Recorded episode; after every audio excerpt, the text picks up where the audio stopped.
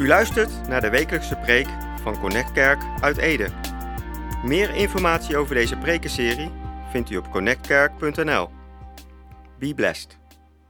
We zijn eh, bezig, voor degenen die eh, eh, nieuw zijn, met een serie over een kerk vol met passie. Passie voor de kerk. En als we het hebben over passie, dan gaat het niet zozeer over hoe hoog je springt of hoe hard je klapt. Nee, we hebben geleerd, passie heeft te maken met toewijding. Door de moeite, door de pijn heen, gepassioneerd blijven. En als we het hebben over de kerk, dan willen we breder kijken dan alleen Connect Kerk. God heeft in Ede iets van 50, 60 kerken. En dat is samen de kerk van Ede. En het is mooi dat we met elkaar die veelzijdigheid en die veelkleurigheid van God mogen weerspiegelen. Daarvoor zijn we geroepen. En ik denk in andere kerken zijn bepaalde dingen beter dan Connect Kerk.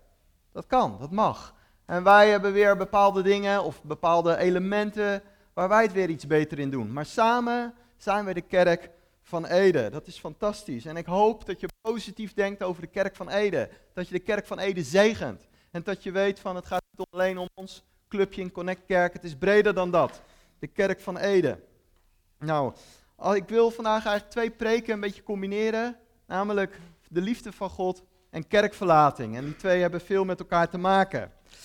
En als je het hebt over passie voor God, toewijding, adoratie, gehoorzaamheid aan God, dan komt dat ergens vandaan. Het is niet dat je zomaar uit de lucht komt vallen, het wordt ergens aangewakkerd, wordt ergens ontstoken. Die passie voor God. En, en ik geloof van ehm, passie voor God komt ten diepste voort uit dat je iets hebt gevoeld, iets hebt ontdekt, iets hebt geproefd, iets hebt geleerd over hoe gepassioneerd God is over jou. En dat niet een lesje van 20 jaar geleden, maar opnieuw en opnieuw dat je merkt van onze God is hartstochtelijk, gepassioneerd en toegewijd en betrokken in mijn leven. En als gevolg daarvan komt er iets op gang, namelijk dat je gepassioneerd bent over Hem. Maar dat heeft wel elke keer weer nieuwe uh, houtsblokken nodig. Ik maak wel eens een kampvuurtje met mijn uh, zoon Samuel. En dan wat vuurtjes aansteken. Maar na verloop van tijd gaat dat uit. En dan zegt, zegt Samuel: Pap, er moeten weer um, houtjes op. Dan gaat het weer branden. Nou, zo is het ook met onze passie voor God. We mogen het met elkaar, door het woord, door aanbidding, blijven voeden. En weet je wat zo mooi is? Als je wil groeien in God, en je wil gepassioneerd zijn over God, dan mag je dat samen doen. Het is niet dat God zo kijkt van, nou, doe maar je best. Laat maar even zien hoe gepassioneerd ben. Nee, ik geloof dat God letterlijk naar je neer buigt en neerknielt en zegt, ik wil jou helpen om gepassioneerd te zijn over mij en over de dingen van mij en van mijn koninkrijk. En dan is het een samenwerking, dat je gepassioneerd bent. En een van die sleutels is dat je ontdekt, God houdt van mij. Ik ben zeer geliefd, zeer hooggeschat en God heeft goede gedachten over mij en ik mag bij hem horen. Het is niet zo dat God zegt, nou, vooruit. Jij mag erbij horen, ik tolereer je. Ik heb er toch al 10.000 miljoen wereldwijd. Nou, die ene, die, nou, kom er maar bij. Nee, God is heel individueel betrokken bij jouw hart, bij jouw leven. En God laat verschillende beelden in de Bijbel zien hoe hij die liefde communiceert. En één beeld is het beeld van bruid en bruidegom. Voor de mannen misschien wat moeilijk om te um, um, te vatten. Maar ik zeg altijd zo, in de Bijbel, in het Nieuw Testament staat heel veel, we zijn de zonen van God en ook de bruid van Christus. Nou, zonen is alleen hier op aarde, de bruid van Christus is in de hele eeuwigheid. Zijn we de bruid van Christus? Ik wil een tekst met jullie lezen. En dit is eigenlijk een stukje de veroveringsstrategie van God voor de mensheid. Hoe God ons wil veroveren. En dit is een fantastisch Bijbelboek, Hosea. En het gaat natuurlijk in eerste instantie over het volk van Israël. God had één volk uitgekozen als licht voor de volken, als inspiratie en een voorbeeld. Om uiteindelijk daarna, Matthäus 28, alle volken te bereiken met zijn liefde. En dan zegt God het volgende. Oud Testament, hè? Maar het klinkt heel Nieuw Testamentisch. Ik zal u mij tot bruid werven voor eeuwig. Ik zal u mij tot bruid werven door gerechtigheid en recht. Door goede tierenheid en ontferming. Ik zal u mij tot bruid werven door trouw. en gij zult de Heere kennen. Dit is de strategie hoe God mensen tot zijn hart wil trekken, tot zijn intimiteit, tot die, tot die vertrouwensrelatie met hem. En dan zegt hij hier vijf woorden. Hij zegt, ik wil jou vastpakken bij mijn hart. Heel intiem, heel persoonlijk, door recht. Want God is een God van recht. Door gerechtigheid. God heeft gerechtigheid lief. Maar hij zegt ook door goedheid en ontferming. Door trouw zal ik je veroveren. Zal ik je binnen, binnen mijn intieme zone halen. Dat is Gods plan. En dan zegt God, dan zul je mij kennen. En dat is het doel. Het kennen van God. Het vertrouwd zijn, het intiem zijn met God. En in het Hebreeuws staat daar het woordje yada. En yada betekent echt, nou, diepe intimiteit. Naakt, zonder geheimen, diepe verbondenheid. Zo zegt God, dat wil ik met mijn volk. Hele diepe relatie. Een ontmoeting, een aanraking, een gemeenschap met mijn volk. Een andere tekst staat in Jezaja. Nou, even voor de kinderen. Wie kent er in zijn eigen leven een Jezaja? Hij kent er een. Wie zit er bij een Jezaja in de klas of op school? Ja? En wie heet er Jezaja toevallig? Kijk daar, daar hebben we een echte. Nou, sowieso hebben we natuurlijk veel kinderen met mooie Bijbelse namen. Fantastisch. Nou, Jezaja. De oude Jezaja, niet de jonge Jezaja, de oude Jezaja. Die zegt, want zoals een jongen een meisje trouwt, zo zal God die u heeft opgebouwd trouwen met u. Uw God zal blij zijn, zal blij met u zijn, zoals een bruidegom met zijn bruid. Nou, zo zie je weer een verbinding dat God zegt, ik ben als een bruid, bruidegom. En de gemeente, Israël, de gemeente, jullie zijn als een, als een bruid. Een beeld van liefde, intimiteit, maar ook van toewijding. Van je niet laten afleiden. En dan zegt het Nieuwe Testament het volgende. Dan komt natuurlijk Johannes de Doper eraan. En Johannes de Doper is de wegbereider van Jezus. Johannes de Doper, dat weten de kinderen, die zei: Jongens, let op. Ik ben een voorbereider van Jezus. Hij gaat het vertellen. Hij maakt het mooie, eh, het, eh, het schitterende verhaal. Het goede nieuws komt van hem. En dan zegt, uh, dan zegt Johannes op een gegeven moment dit. De bruidegom krijgt de bruid. De vriend van de bruidegom staat te luisteren en is blij dat hij de stem van de bruidegom hoort. Dat vervult mij met grote vreugde. Dus Johannes, die heel vaak heeft natuurlijk over Jezus als lam, maar die zegt hier, dit is ook de bruidegom. Mensen, jullie gaan trouwen met hem. Bruiloft, zegt later aan Johannes, de bruiloft van het lam komt eraan. En dit is Jezus. Dit is met wie jullie verbonden mogen zijn. En mijn vreugde is in zijn stem. En hoe zit dat met mij? Hoe zit dat met jou? Is jouw vreugde nog de stem van Jezus? Door zijn woord en door zijn geest. Hij zegt, dit is mijn vreugde, namelijk de stem van koning Jezus. Een stem die af en toe corrigeert, die af en toe scherp is, maar ook die aanmoedigt, die bekrachtigt, die bevestigt, die in je vertrouwt en in je gelooft, maar je ook die stem die opdrachten geeft, die dingen van je verwacht. Die stem die je tot leven wekt. En, en Johannes zegt van, luister naar die stem. Nog een aantal andere teksten in het Nieuw Testament, als je oog voor gaat krijgen, zie je heel veel lagen van bruid en bruidegom. Een andere, Lucas 5. Er staat, er komt een dag dat de bruidegom bij hen wordt weggehaald. En dan is het hun tijd om te vasten. Een andere tekst. Hij zei, het hemels koninkrijk is te vergelijken met een koning die het bruiloftskleed van zijn bruiloftsfeest van zijn zoon voorbereidde. Dit is het evangelie. Er is een vader, er is een koning, God zelf, God vader, God koning, die een bruiloftsfeest organiseert voor zijn zoon. En dan weten we in dit verhaal, dan, dan zoekt hij mensen, dan gaan mensen erop uit om uit te nodigen. Dit is het evangelie. Dat God de Vader zegt, ik wil voor mijn zoon een volk die hem toegewijd is, die gepassioneerd is, die opofferend is, die dienstbaar is voor hemzelf.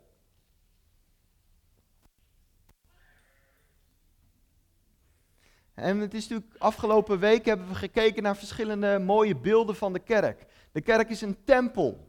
Fantastisch. De kerk is een leger. De kerk is een lichaam. De kerk is een familie, is een gezin. Maar de kerk is ook een bruid. Jij en ik We mogen anders zijn van theologie, we mogen verschillende visie en dingen hebben, maar met elkaar in Ede, in Nederland, in wereldwijd zijn wij de bruid van Christus. We zijn gekocht, we zijn betaald met hetzelfde bloed. En Jezus komt terug, voor die bruid die enthousiast is, die gepassioneerd is, die gereinigd is voor hem. Jezus komt niet terug voor een bruid die saai is en verveeld, een oude tang of zo. Nee, hij komt voor een bruid die fris en krachtig is en leeft met hem. Een voorbeeldje, een verhaaltje. Stel je voor, er is een uh, trouwerij en uh, die trouwdienst die begint om uh, zes uur s avonds. Hele grote zaal, duizend mensen. Nou, zoals het meegemaakt, dan staat hier de dominee zo. En de, bruidegom, de ja, bruidegom, helemaal mooi in pak, haartjes netjes. En dan ver weg, hele grote deur, daar zou de bruidegom komen. Nou, mooi bandje. En uh, bandje begint te spelen. Familie op de eerste rij natuurlijk. Getuigen, ceremoniemeester. En nou, mooi muziekje. Zes uur. Bruid zou komen. Tien over zes. Nog geen bruid. Nog geen bruid te bekennen. Dus die, uh, die dominee een beetje zenuwachtig. En hij overlegt met, met die man. Ja, die man die, ja, die weet het ook nog niet. Bandje speelt verder. Op een gegeven moment komt de ceremoniemeester erbij, pakt zijn telefoon en begint te bellen. En je voelt in die zaal een beetje paniek. Geroezemoes, mensen praten. Nou, die band speelt maar vrolijk verder, want en die denkt van, uh, nou ja, we zien wel. Half zeven, nog niemand. Ja, er is wel iemand, maar waar het echt om draait, die bruid, is er nog niet. Dan om, uh, om zeven uur, nou, de deuren gaan open. Je denkt, hé, hey, daar komt de bruid. Maar niemand te zien. Dus die dominee die zegt van nou, we weten niet precies wat er aan de hand is, maar bruid, bruidegom, we vragen aan jou om alvast iets te vertellen over je aanstaande vrouw. Nou, dat wil die man wel. Die zegt, joh, mijn vrouw, aanstaande vrouw, ze is fantastisch. Ze is mooi. Ze is geweldig. Ze is lief. Ik wil mijn leven voor haar geven. Ik bemin haar. Ze is wijs. En uh, nou, zo gaat het maar door. Zo gaat het maar door. Half uur. En iedereen merkt liefde toewijding, adoratie. Maar op een gegeven moment zegt toch die ceremoniemeester: Oké, mensen, straks komt echt de bruid eraan. En uh, nou, die deuren gaan weer dicht. De band gaat even naar de wc en weer terug, begint weer te spelen. En eindelijk, half negen, tada, de deur gaat open. Nou, iedereen verwacht zo'n stralende bruid. En ik zit daar ook en ik kijk en ik zie een, een meisje met ja, spijkerbroekje aan, nou ja, gelukkig wel een wit blouseje, weet je. Haar een beetje verwilderd. Oh, oh, oh, moet ik hier zijn vandaag? Moet ik hier zijn? Zie je, ja, tuurlijk. je moet hier zijn. Dus ze loopt dat gangpad door. En voor mij zit er een man van, uh, van een jaar of twintig.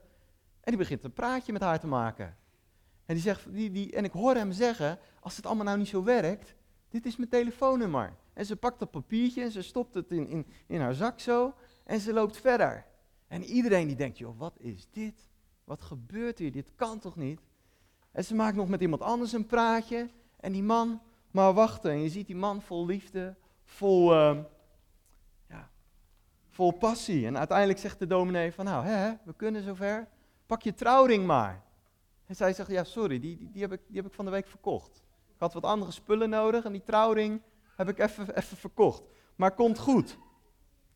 En ik kijk naar het gezicht van die vrouw en ik zie ergens sprekende mooie ogen, mooi haar, maar ik zie ook zaggerijnigheid. Ik zie stress.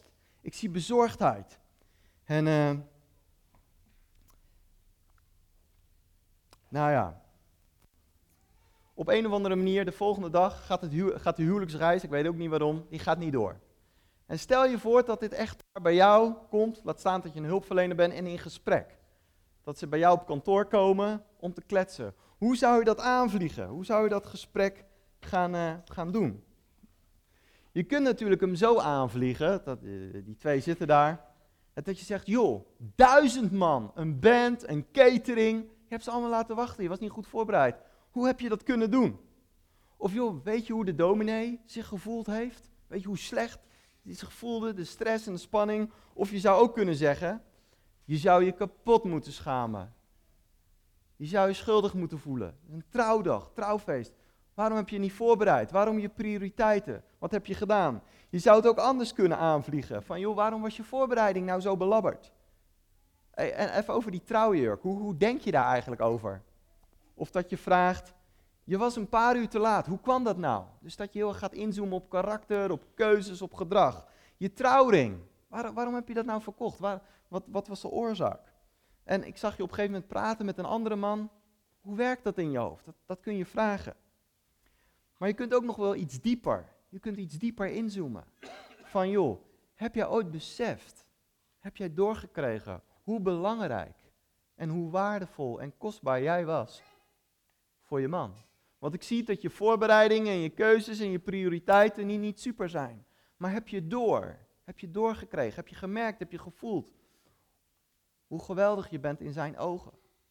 Hoe hoog hij over je spreekt? Hoe hij je waardeert? Hoe, hoe hij je koestert? Ik zie dat jij het heel lastig vindt. Maar heb je beseft? Heb je doorgehad? Heb je gevoeld, gemerkt, geluisterd naar zijn, oren, naar zijn woorden van liefde, van koestering en waardering? En ik denk dat zij dit niet echt heeft gepakt. Niet echt heeft begrepen, niet heeft opgenomen. Waardoor haar keuzes, haar karakter, haar prioriteiten wat belabberd waren. En ik geloof als je wil groeien in passie voor God, ontdek de passie die God heeft voor jou. Wil je groeien voor zijn uh, passie voor de gemeente, ontdek hoeveel passie God heeft voor zijn huis. En ik geloof, zo'n meisje in dit verhaal is natuurlijk gewoon een ramp, is verschrikkelijk. En dat kan er gebeuren als je niet leeft vanuit dat perspectief dat je geliefd bent door God. En dit soort mensen die, niet, die ergens moeite hebben met, met de liefde van God, met de toewijding van God, met de passie van God, dit zijn ook de mensen die het moeilijk hebben in de kerk. Die langzaam richting de uitgang bewegen. Hoe komt dat? Omdat ze moeite hebben met de liefde van God. En ik wil je vragen, wat kan jij doen? Wat kan jij betekenen? Wat kun jij geven om zo'n persoon te helpen? Er zijn in deze kerk, maar ook in andere kerken, zoveel mensen die het lastig vinden. Er zijn soms hele goede redenen en argumenten om te geloven in de goedheid, in, de, in het recht, in de ontferming van God. Wat kun jij doen? Wat kun jij betekenen voor dit soort mensen?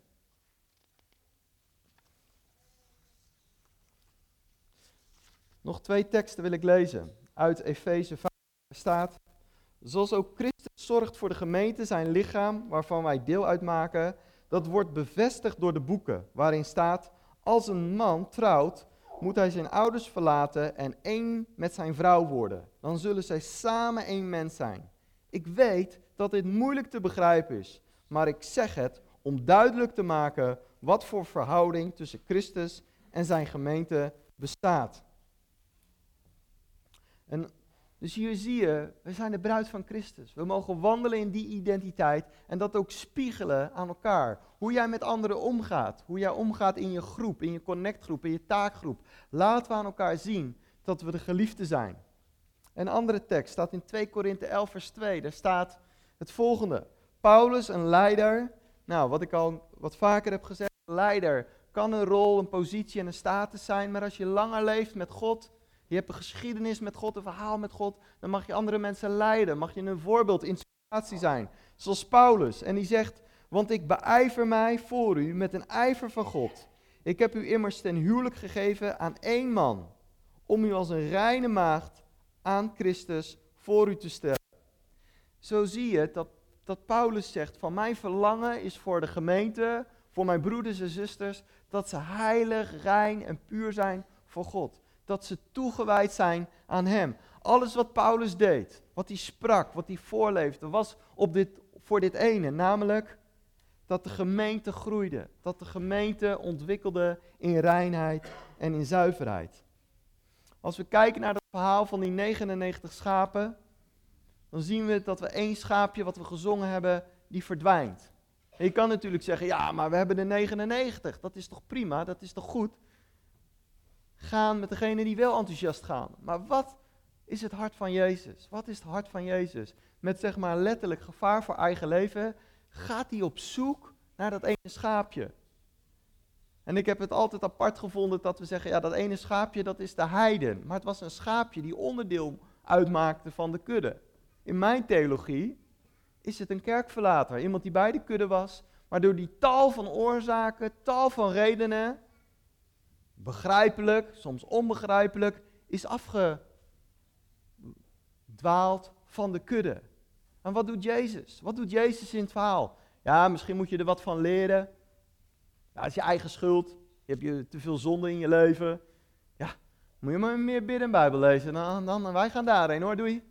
Ja, jammer dat je vastzit. Nee, met gevaar voor eigen leven is het prioriteit voor Jezus om zich uit te strekken naar dat ene schaapje. Een hart van liefde, een hart van bewogenheid. Wat kan jij doen? Wat kan jij betekenen voor die broer? Of die zus? Of die neef, nicht, buurman, die de kerk verlaten heeft en die allemaal vragen over God heeft? Die misschien diep teleurgesteld is. Wat kan jij doen? Wat kan jij betekenen? Hoe mag jij bidden om uh, uh, uh, liefde te zijn voor die ander? Ik wil afronden met een, met een verhaaltje. Deze heb ik wel vaker verteld. En zo'n 20 jaar geleden ging ik met een groep vrienden camping-evangelisatie doen. Nou, moet je echt voorstellen, dat is echt lijden voor Christus, want dan ben je om 7 uur loop je in je clownspak rond op een camping. Dus dat is echt, is lijden voor Christus. En we hadden daar iets van 7, 8 uh, teamleden en ik was daar uh, teamleider. En ik had echt een heel, voor ikzelf, een heel mooi programma bedacht. Met allerlei activiteiten voor kinderen, tieners, voor ouderen. En we hadden één missie om uit te dragen de veelkleurigheid van Jezus. Dus we hadden een dag over Jezus als herder. We hadden een dag als Jezus als genezer. We hadden een dag Jezus als de wijze man. We hadden een dag, nou noem het maar op. Kinderprogramma's, kleurplaten, dingen fantastisch. En ik was heel druk om alles te organiseren, het goed neer te zetten, dat het leuk aansprekend zal zijn. En er waren heel veel kinderen, honderd kinderen, en die, die ja, hadden zo'n loods waar alle activiteiten in kwamen in waren. En al die kinderen eromheen. Maar er was één, één jochie, die heette Davy, van een jaar of tien, die hoorde er eigenlijk niet bij. En Davy die werd nogal gepest door andere kinderen. En Davy, de verhalen gingen dat, uh, dat die ouders altijd ruzie hadden. Misschien zelfs een dronken vader, een vader die af en toe hem sloeg. En Davy hoorde er niet bij. Davy werd belachelijk gemaakt. En als ik op de camping om tien uur een hele mooie zaal had vol met kinderen. En we gingen een kleurplaat doen. En eindelijk was iedereen stil. Wie kwam het weer verstoren? Met een of andere toeter of iets. Davy. En het ging dag na dag zo. En een goede vriend van mij, die kreeg een stukje bewogenheid. En die ging met Davy kletsen. Die ging met Davy wandelen, met Davy praten. En na een paar dagen was het zo, was ik, hadden we weer bijbelstudie voor het groep om te versterken. Was ik op zoek naar die vriend. Johan, waar is Johan nou? We zouden om één uur bijbelstudie doen. Waar is Johan? Ik overal zoek op die camping. En Johan zat een ijsje te eten met Davy. En iets later, hé, hey, we gaan eten als team. Waar is Johan? En Johan zit in zijn eentje te voetballen met Davy. En zo ging het heel de week door. Ik vond het super irritant. Nog steeds is gelukkig Johan een goede vriend van mij. Schrijft woord in mijn boekje. En zo ging het twee weken door. En toen was het einde. Nou, allemaal koffers en uh, spullen, afscheid nemen. Allemaal mooie kleurplaten en ballonnen van die kinderen. We stonden daar met een groep kinderen en, uh, en een groep van die, uh, van die werkers. Helemaal kapot, moe, geen slaap. En ik vroeg aan kinderen van, joh, wat heb je geleerd deze week van Jezus? En de ene zei, ja, Jezus is een lieve man. En de andere, hey, Jezus wil dat we goed doen. En daar helemaal een beetje achteraan was toch Davy gekomen. Dat hij een beetje niet opviel. Daar zat Davy. En ik liep naar Davy toe. En ik zei, Davy, wie is Jezus nou? En Davy, opeens, alsof hij wakker werd. En hij liep naar die vriend toe, Johan, en hij wees hem aan. Dat is Jezus. Hij is Jezus. En ik dacht, hey, dit klopt theologisch helemaal niet. Maar het klopt helemaal. Weet je? Want ik was zo druk met over Jezus vertellen. En die vriend van mij, die liet Jezus zien. Eén op één. En die jongen, die werd diep geraakt. En ik, zo mooi. Door liefde, door aandacht, door aan te sluiten, door het verhaal te doen. Van iemand die eigenlijk buiten de boot viel. Die eigenlijk best wel moeilijk, vervelend, irritant, lastig en ingewikkeld was. En hij zei, de krachtigste getuigenis. Jij bent Jezus. Dat vond ik zo mooi. Liefde voor die ene. Liefde voor de enkeling. Liefde voor die persoon die niet binnen de de box past. En uh, dat is zo leuk, twintig jaar later vertel ik nog steeds over Davy en ik pest die vriend nog altijd. Als we gaan uit eten of zo, zeg ik, ja, jij moet trakteren. Jij bent tenslotte Jezus. Weet je? Maar zo mooi. We mogen het hart van Jezus aan die ander zien. Voor die ene, voor die ander. En ik wil uh, afsluiten met gebed. Vader, dank u wel. Voor uw liefde, voor uw goedheid, voor uw ontferming, voor uw warmte, voor uw genade. Dank u wel dat we geliefd zijn, dat we bemind zijn. Dank u wel dat we samen de bruid van Christus mogen zijn, uw geliefde volk. Dat we de ander die moeite heeft, die vragen heeft, die twijfels heeft, die het niet meer weet, dat we die net als u Jezus mogen opzoeken, mogen koesteren, mogen verwelkomen en naast die ander mogen staan. Dank u wel daarvoor. En dank u wel dat uw liefde mensen mag aanraken. Dank u wel.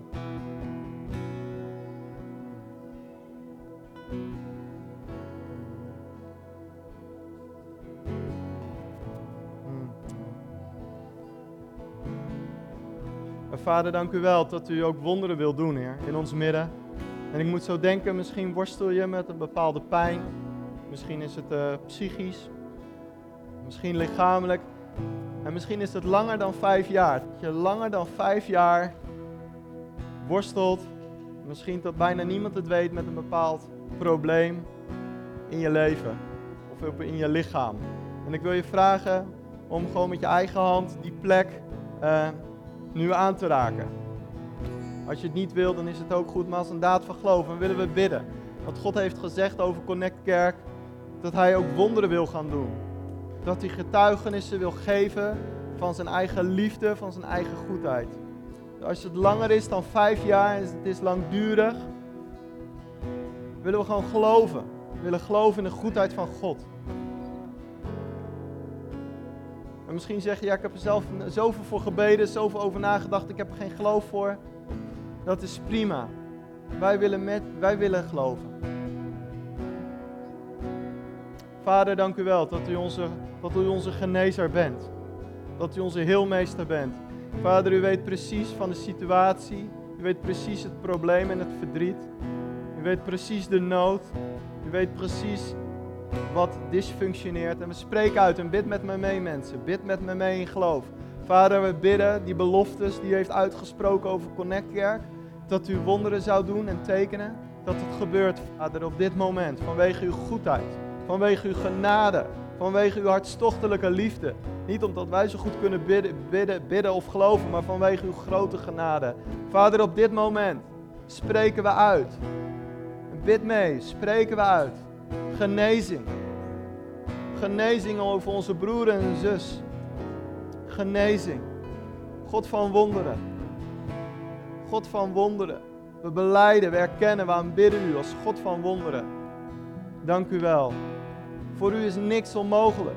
Uw hand is niet te kort. U zegt grotere dingen zullen jullie doen, mijn gemeente, mijn bruid.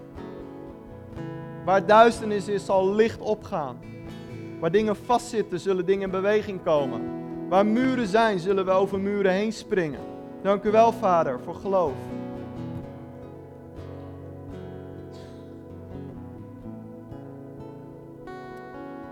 En als je straks iets voelt of je merkt iets, laat het, uh, laat het ons weten. Maar soms kan het ook in de verloop van de weken gebeuren. Ik ken verhalen, zoveel verhalen dat ik ergens voor gebeden heb. En dat iemand een week later zei van ja, op, op dat moment voelde ik niks. Maar na een paar dagen werd het anders, werd het beter. Vader, dank u wel. Vader, dank u wel voor uw wonderbaarlijke kracht in ons midden.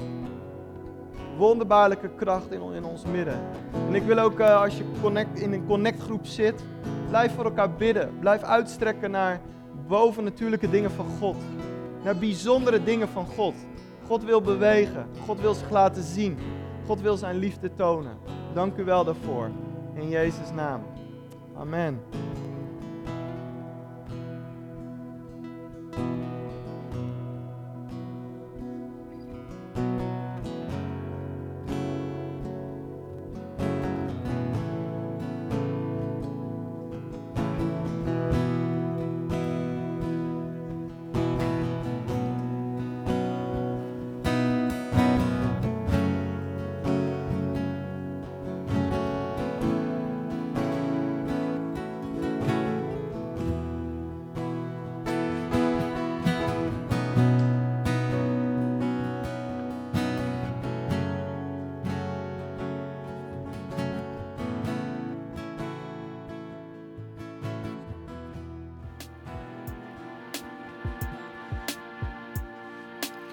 U luisterde naar de wekelijkse preek van Connect Kerk uit Ede.